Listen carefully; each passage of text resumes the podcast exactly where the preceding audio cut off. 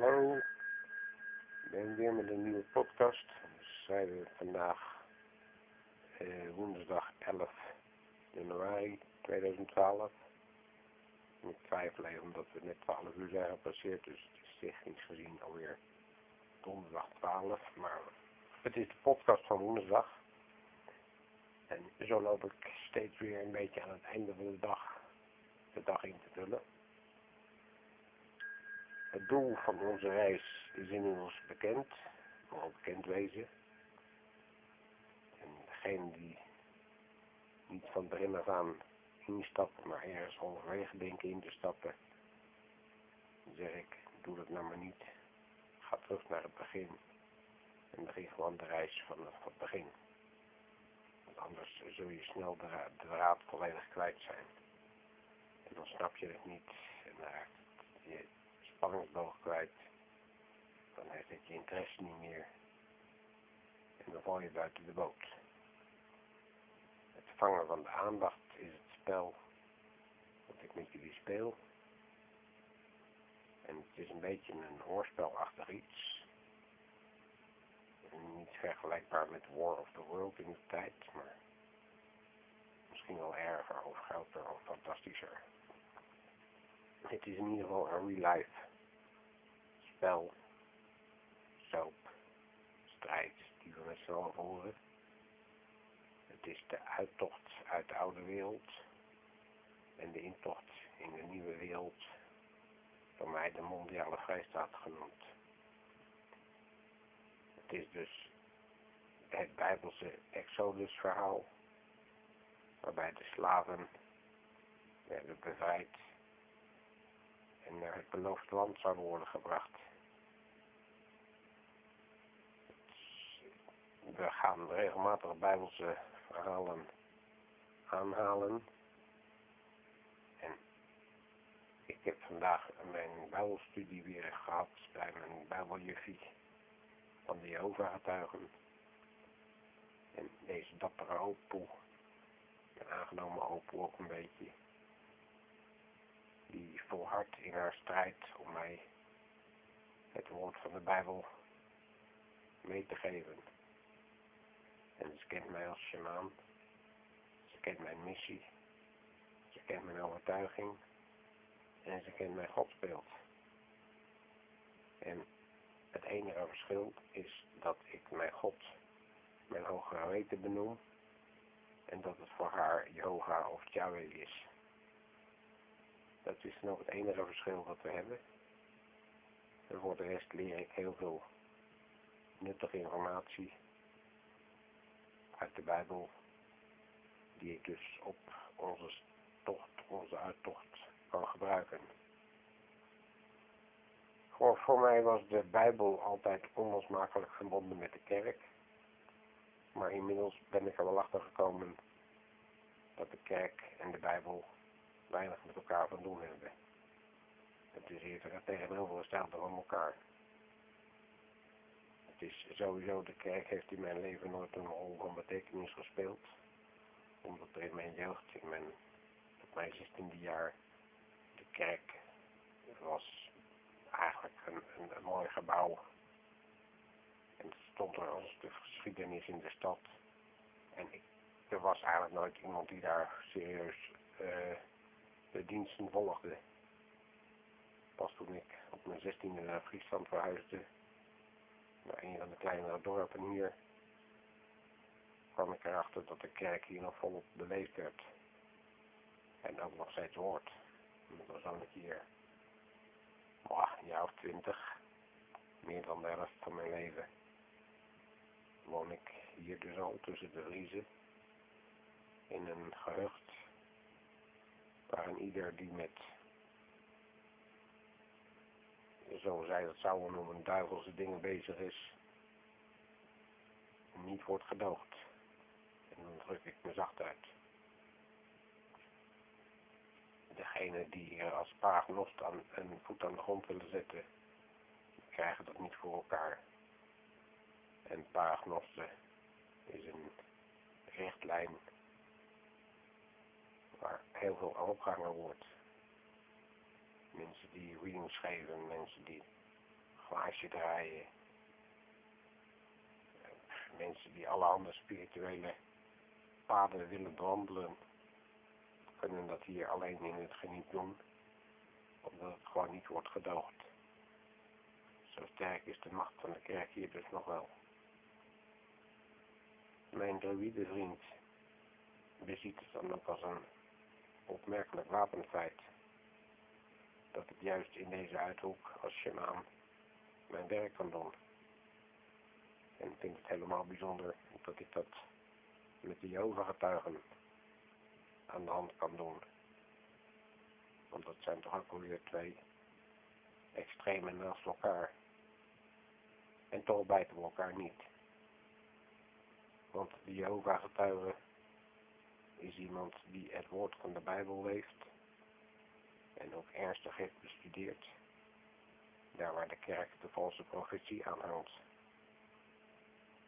Ik ga jullie daar niet met de details over vermoeien, maar ik wil dus wel even een lans breken voor de Jehovah-getuigen. Het is niet mijn uh, taak om als Jehovah-getuigen langs de deuren te gelopen en ik ook niet mee met hun kerkgenootschappen. Maar ik ben wel een graag geziene gast in hun wereld. Ze kennen me ook hier in de ruime omtrek. En groeten mij altijd uitbundig. Ze zijn hier altijd welkom op de koffie. We weten van elkaars bestaan. En we weten van elkaars werk. En zij weten ook dat we de eindtijd beleven ook al hebben zij niet dezelfde overtuiging van 2012, 21 december als eindpunt. Maar de signalen van de eindtijd zijn voor hun ook absoluut merkbaar en zichtbaar. Dat zij zich niet aan 2012 willen conformeren is logisch, omdat ze al twee keer eerder het einde van de wereld hebben voorspeld. En tot twee keer aan toe werd dat bijna de ondergang van hun beweging.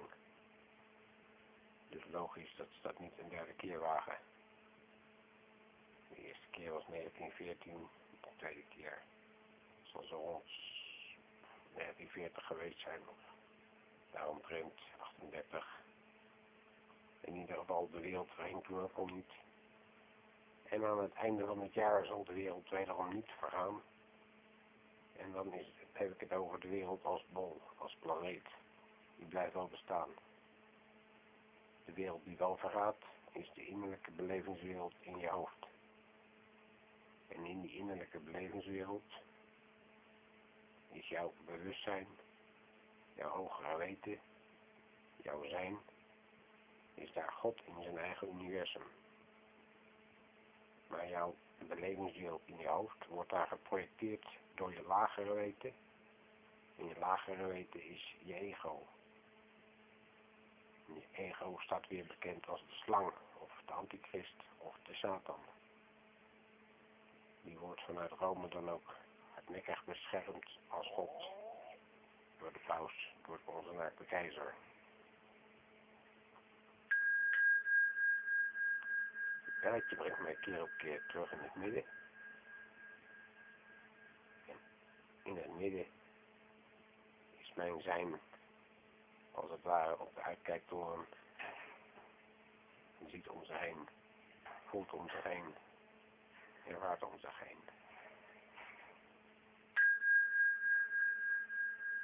Dat is tijdloos en hoe heet het andere, het is ook niet van, van ruimte afhankelijk. Ik voel, zeg maar, de mensen die mij roedel die hier op honderden kilometers vandaan wonen, voel ik als één alsof ze hier in mijnzelfde kamer zitten. De sferen van de mensen die ik in mijn hart heb, die ik onder mijn vleugels heb, waar ik dus de roddelleider over ben, die mensen die hebben allemaal een lijntje met mij. Ik heb een lijn met hun. En wanneer ik bel, bel, gooi ik als het ware de steen in de vijver en de Het zijn als de golfjes die uitdijen En in die golfjes voel ik of er huis op de lijn zit. Wanneer ergens in mijn roddel dus iemand storing heeft, dan ervaar ik dat als huis op de lijn. En dan is er wat aan de hand en moet ik daar de aandacht aan besteden om dat op komen lossen. De mensen die ik onder mijn vleugels neem en die in mijn roddel leven, daarin ben ik het voorbeeld ook voor ieder die in mijn voetsporen treedt. Iedereen die zelf de leider van zijn eigen roddel is. De roedelleiders zijn de alfa's onder ons. En dat is een, een natuurkundig iets wat we in het dierenrijk veelvuldig terugvinden. Spiegel je daar dus gewoon aan als je meer wilt weten over de pikorde en het roedelgedrag.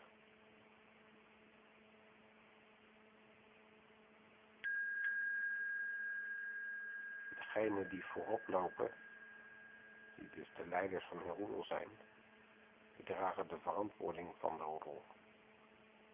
En die verantwoording heeft de lusten en de lasten met zich mee.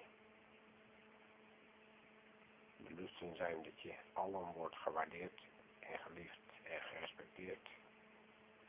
En de lasten zijn dat een ieder die tekort schiet, de last bij jou neerlegt, de verantwoording bij jou neerlegt. Bovendien ben ik als rodelleider degene die de grenzen bepaalt. En die grenzen ook verdedigt waar nodig. In de roedel zijn er altijd volgelingen die proberen bij tijd en wijle over die grens te gaan, omdat het in onze natuur zit om de grens op te zoeken. En ieder met kinderen kan dat beamen. Degenen die mij onder mijn vleugels veilig leven, zijn als het ware mijn kinderen. Vind dat ook een, een toepasselijke Bijbelse spreuk, het laten kinderen tot mij komen. Daar kan ik wel wat mee. Hoe gaan die grensconflicten zo hier en daar dan? Dan is de, vooral mijn ex is daar een, een in om, om, om die grenzen af te tasten.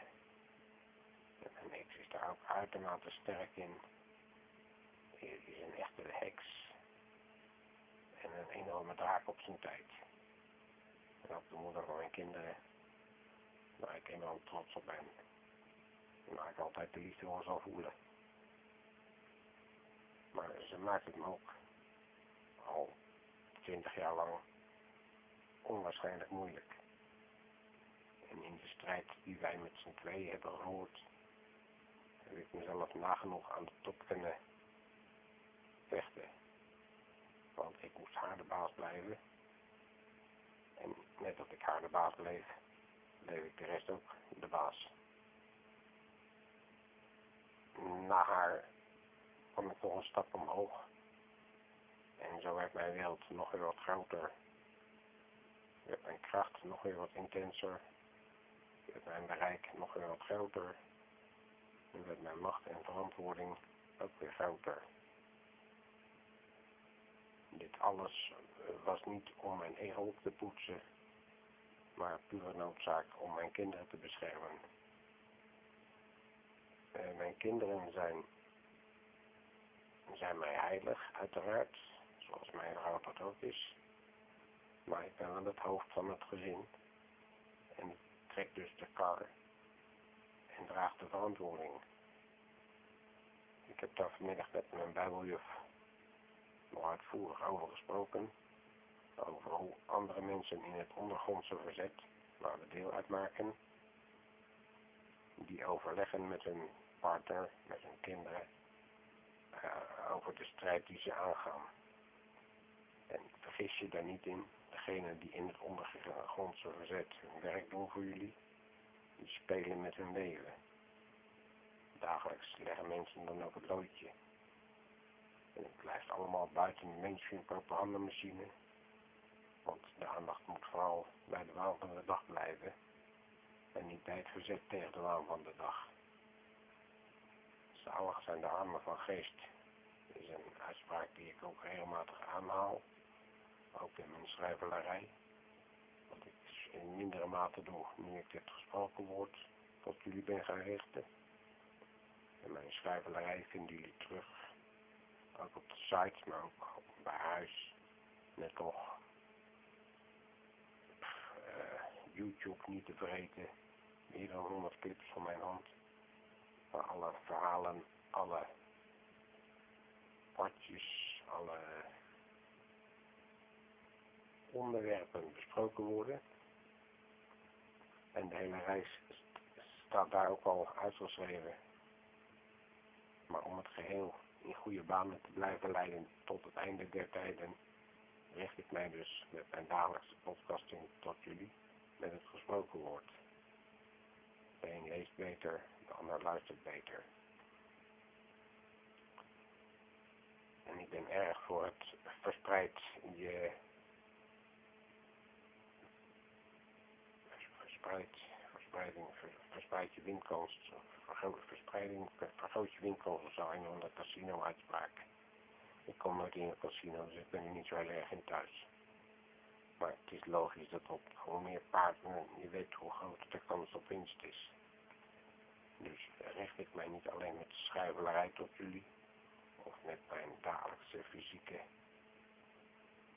um, omlijsting, zal ik het noemen, maar ook met het gesproken woord. Het is logisch dat ik één op één met jullie het meeste impact heb. En het is ook logisch dat ik daar langer na niet de tijd en het vermogen heb om jullie allen één voor één tegemoet te treden. Los van het feit dat ik daar geen zin in heb.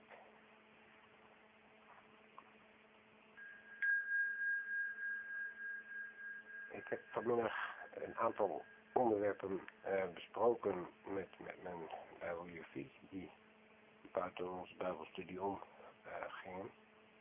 En dat is meestal, ik zit daar vaak een uur of drie achter elkaar. En van die drie uur nemen we zo'n beetje anderhalf uur tijd de ruimte voor de algemene onderwerpen. En het bijpraten van de stand van zaken. Uh, het grote geheel leg ik aan haar uit, hoe ver we zijn, waar we staan, wat er gebeurt en hoe de wereld in elkaar steekt en in elkaar stort. Ik leg haar ook de Bijbel uit op mijn manier. En zij kan zich daar eigenlijk altijd in vinden. zij leest, ik lees en ik interpreteer. En vaak haal ik het in mijn eigen woorden nog even extra aan. Geef ik extra voorbeelden uit mijn eigen praktijk. Hoe ik die Bijbelse uitspraken in mijn eigen leven tot leven breng. Ook bespreken we regelmatig de rol van de kerk en met name de paus. Hoe die daar als lage Satan over de wereld aan het heersen is en hoezeer die de wereld in de greep houdt. Dat zij als Jehovah-getuige dat niet in het openbaar kan en mag en durft te doen, heb ik alle begrip voor. En dat ik dat vanuit mijn shamanenpad wel doe, daar heeft zij alle bewondering voor. En zo bewonderen we elkaar in ons eigen pad.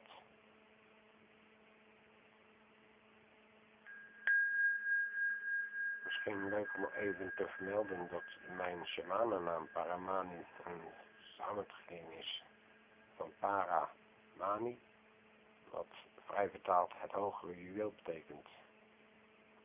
En Mani was tevens een apostel van Christus, die van ongeveer 700 tot 1200 een religie, of eigenlijk was het meer een religieus sausje, over de gehele wereld, om over alle heersende religies had uitgesmeerd, uitgeschooid, uitgestreken.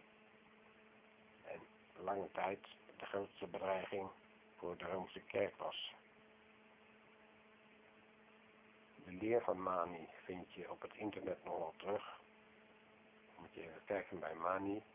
En dat waren dan de Manicheërs. En die, die hingen feitelijk hetzelfde, dezelfde religie aan, hetzelfde verhaal aan als de strijd die wij vandaag aan de dag voeren tussen licht en duister, waarbij we het duister in onszelf verlichten met kennis en inzicht.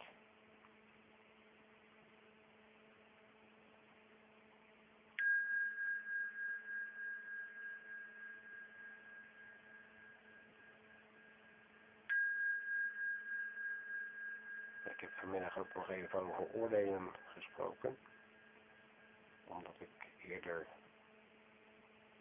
ja, ik zou zeggen eerder op de dag, maar waarschijnlijk eerder op de, dag daarvoor, komt me in ieder geval alles voor dat mensen praten over oordelen en veroordelen. En ik was op zoek naar de Bijbelse interpretatie van het oordelen of veroordelen. Ik had al even gegoogeld en wel wat gevonden, maar het was me nog niet helemaal klip en klaar. Al heb ik er wel mijn eigen shamanistische kijk op. Ik wilde graag de Bijbelse uitleg erbij hebben. Dus die heb ik vanmiddag met de besproken. En in eerste instantie kon ze me dat ook niet uit de Bijbel te toveren. Maar mijn eigen interpretatie kon ze zich wel volledig in vinden. En die zal ik dus even ook met jullie bespreken. Het oordelen is iets wat we de hele dag door horen te doen. Want oordelen is wikken en wegen. We vragen ons de hele dag de dingen af. En dat is het oordelen. Het veroordelen, dat, daarmee trekken we een grens en vormen we een besluit. En dat is niet aan ons. Dat is niet wat wij behoren te doen. We doen het wel, regelmatig en veelvuldig. En voor mijzelf is met iedere veroordeling die men afgeeft, geeft die persoon direct ook een brevet van onvermogen af. Want wanneer iemand een veroordeling uitspreekt, laat hij direct zien hoe groot die persoon in zijn belevenswereld is gekomen, hoe ver is gekomen, hoe groot zijn wereld is. Die persoon is dus niet wijzer dan hetgeen zijn veroordeling uitspreekt.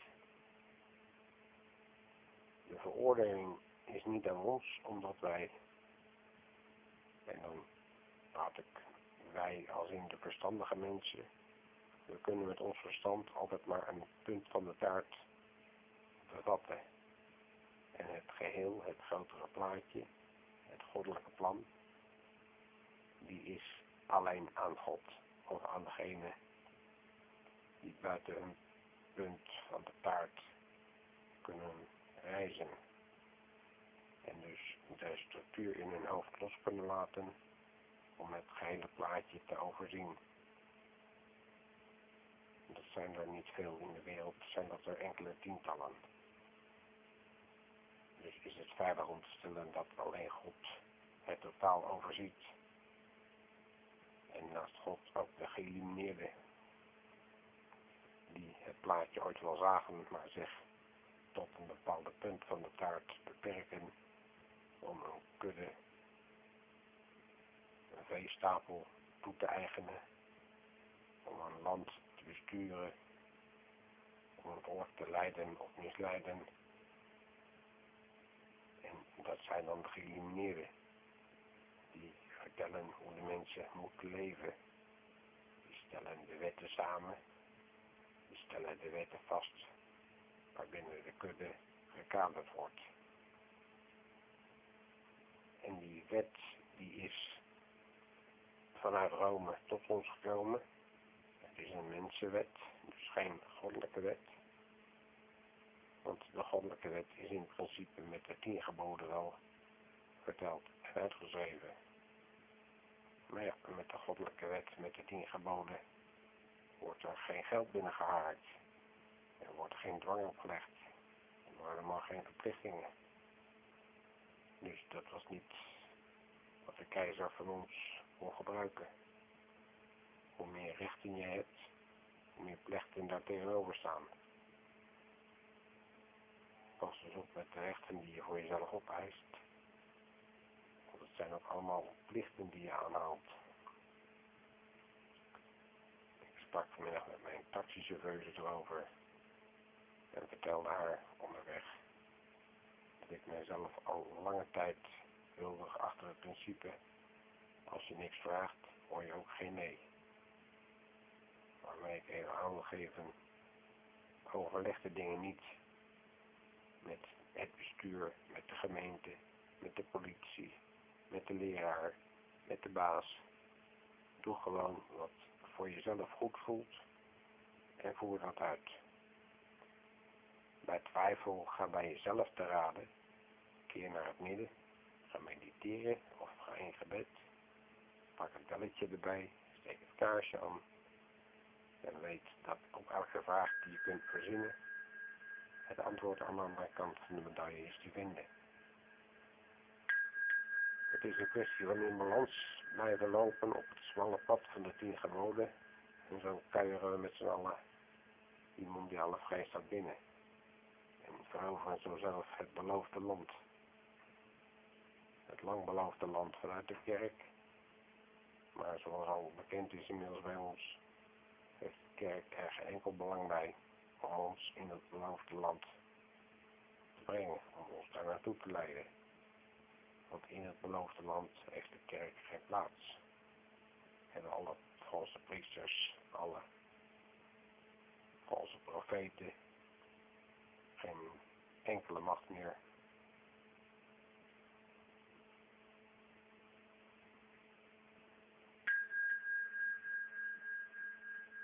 en ook geen kracht inderdaad. Macht en kracht is iets wat hand in hand gaat, maar wat ook uit elkaar wordt getrokken, omdat wanneer het niet zuiver is. De regering heeft macht en kracht en doet dat met geweld, geweldsmonopolie van de politie en het leger. En zo dwingen zij hun respect af op de burgerij burgerij vreest oma Gent en betaalt gif voor elke overtreding die wordt geconstateerd. Om de valse man, er moeten regels zijn, of we hebben met z'n allen afgesproken. Onzin, het zijn moderne kaapvaarders voor de troon, die er alleen maar op uit zijn om jou te knechten, in angstmodus te houden en te sturen, te manipuleren. Ook hier geldt, vraag niks en dan hoor je ook geen nee. Doe gewoon lekker waar je zin in hebt. Luister naar je eigen hoge geweten.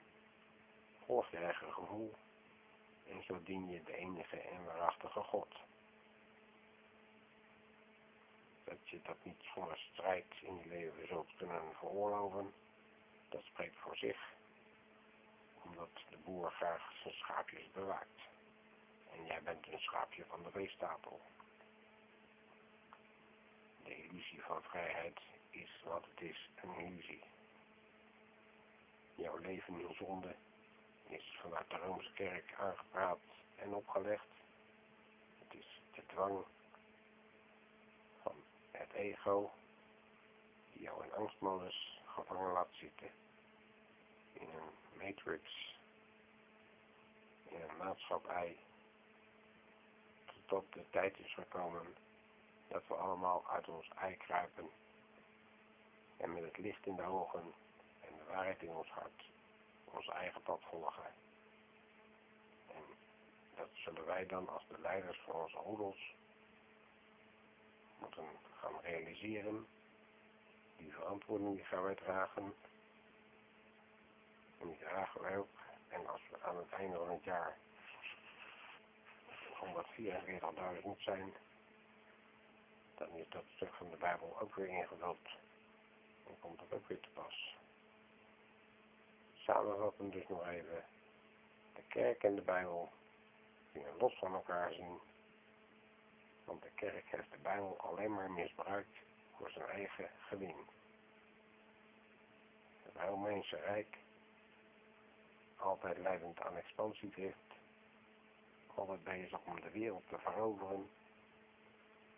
Heeft zijn macht opgedeeld in monarchen, waar landheren een bepaald gebied toegewezen kregen en van daaruit ook als een soort mini-goden over het land mochten regeren. Deze geëlimineerde heersers, koningen en koninginnen over de wereld worden vanuit de Bijbel beschermd omdat ze daar worden beschreven als zijnde de dienaren van God. Maar de God die daar wordt beschreven is meer de Moloch dan de Yahweh God. Het is dus de God van de duisternis en niet de God van het licht die wordt gediend. Maar toch is daar ook nog wel een positief einde aan te breien wanneer ze tijdig tot inkeer komen. Onze koningin heeft inmiddels zoveel bloed aan haar handen zitten dat het mij onwaarschijnlijk lijkt dat ze nog schoon schip gaat maken met ons. Maar tot 21 december heeft ze daar nog de gelegenheid toe. En de Japanse prinses Naka, Namakaru of zoiets, waar we het gisteren al even over hebben gehad, weer eentje van koninklijke boede, die het schone schip wel maakt. Dus wellicht dat onze tricks daar een gevolg aan kan geven. Dat zien we dan ook alweer. Voor nu wens ik jullie straks een wel te rusten. En morgen weer een fijne reis. Dan spreek ik jullie morgen weer.